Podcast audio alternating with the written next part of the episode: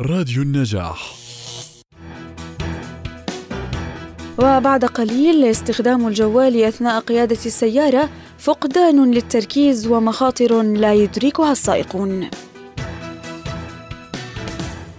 هناك من يدرك خطورة استخدام الهاتف النقال أثناء القيادة بعد أن يقع الحادث، وآخرون يعتقدون مع تكرار نجاتهم أن لديهم القدرة الكافية على السيطرة على القيادة وتلقي المكالمات والرسائل في الوقت ذاته، وعليه يصبح سلوكا اعتياديا أثناء قيادتهم للمركبة. موقع Business Insider نشر عن أبحاث طبية حديثة عن تعدد مهام المخ. إذ أوضح الباحثون أن حوالي 97% من البشر لا يمكنهم التركيز في أثناء أداء أكثر من مهمة في وقت واحد مشيرين إلى أن واحدا من كل خمسين شخص يستطيعون القيام بذلك.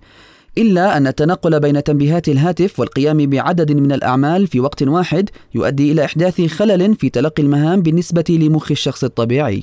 لا يعلم مثل هؤلاء السائقين يا عمار كما يقول علماء الاجتماع أن استخدام الهاتف النقال هو حالة من التأمل الذاتي أو التفكير الذاتي الذي يمكن أن يؤدي بالذهن إلى فقدان التركيز وبالتالي تجاهل نفسه وتجاهل العمل الأهم وهو التركيز في القيادة وبالتالي يمكن أن يتسبب بإصابته أو الآخرين وقد يصل الأمر لا قدر الله إلى الوفاة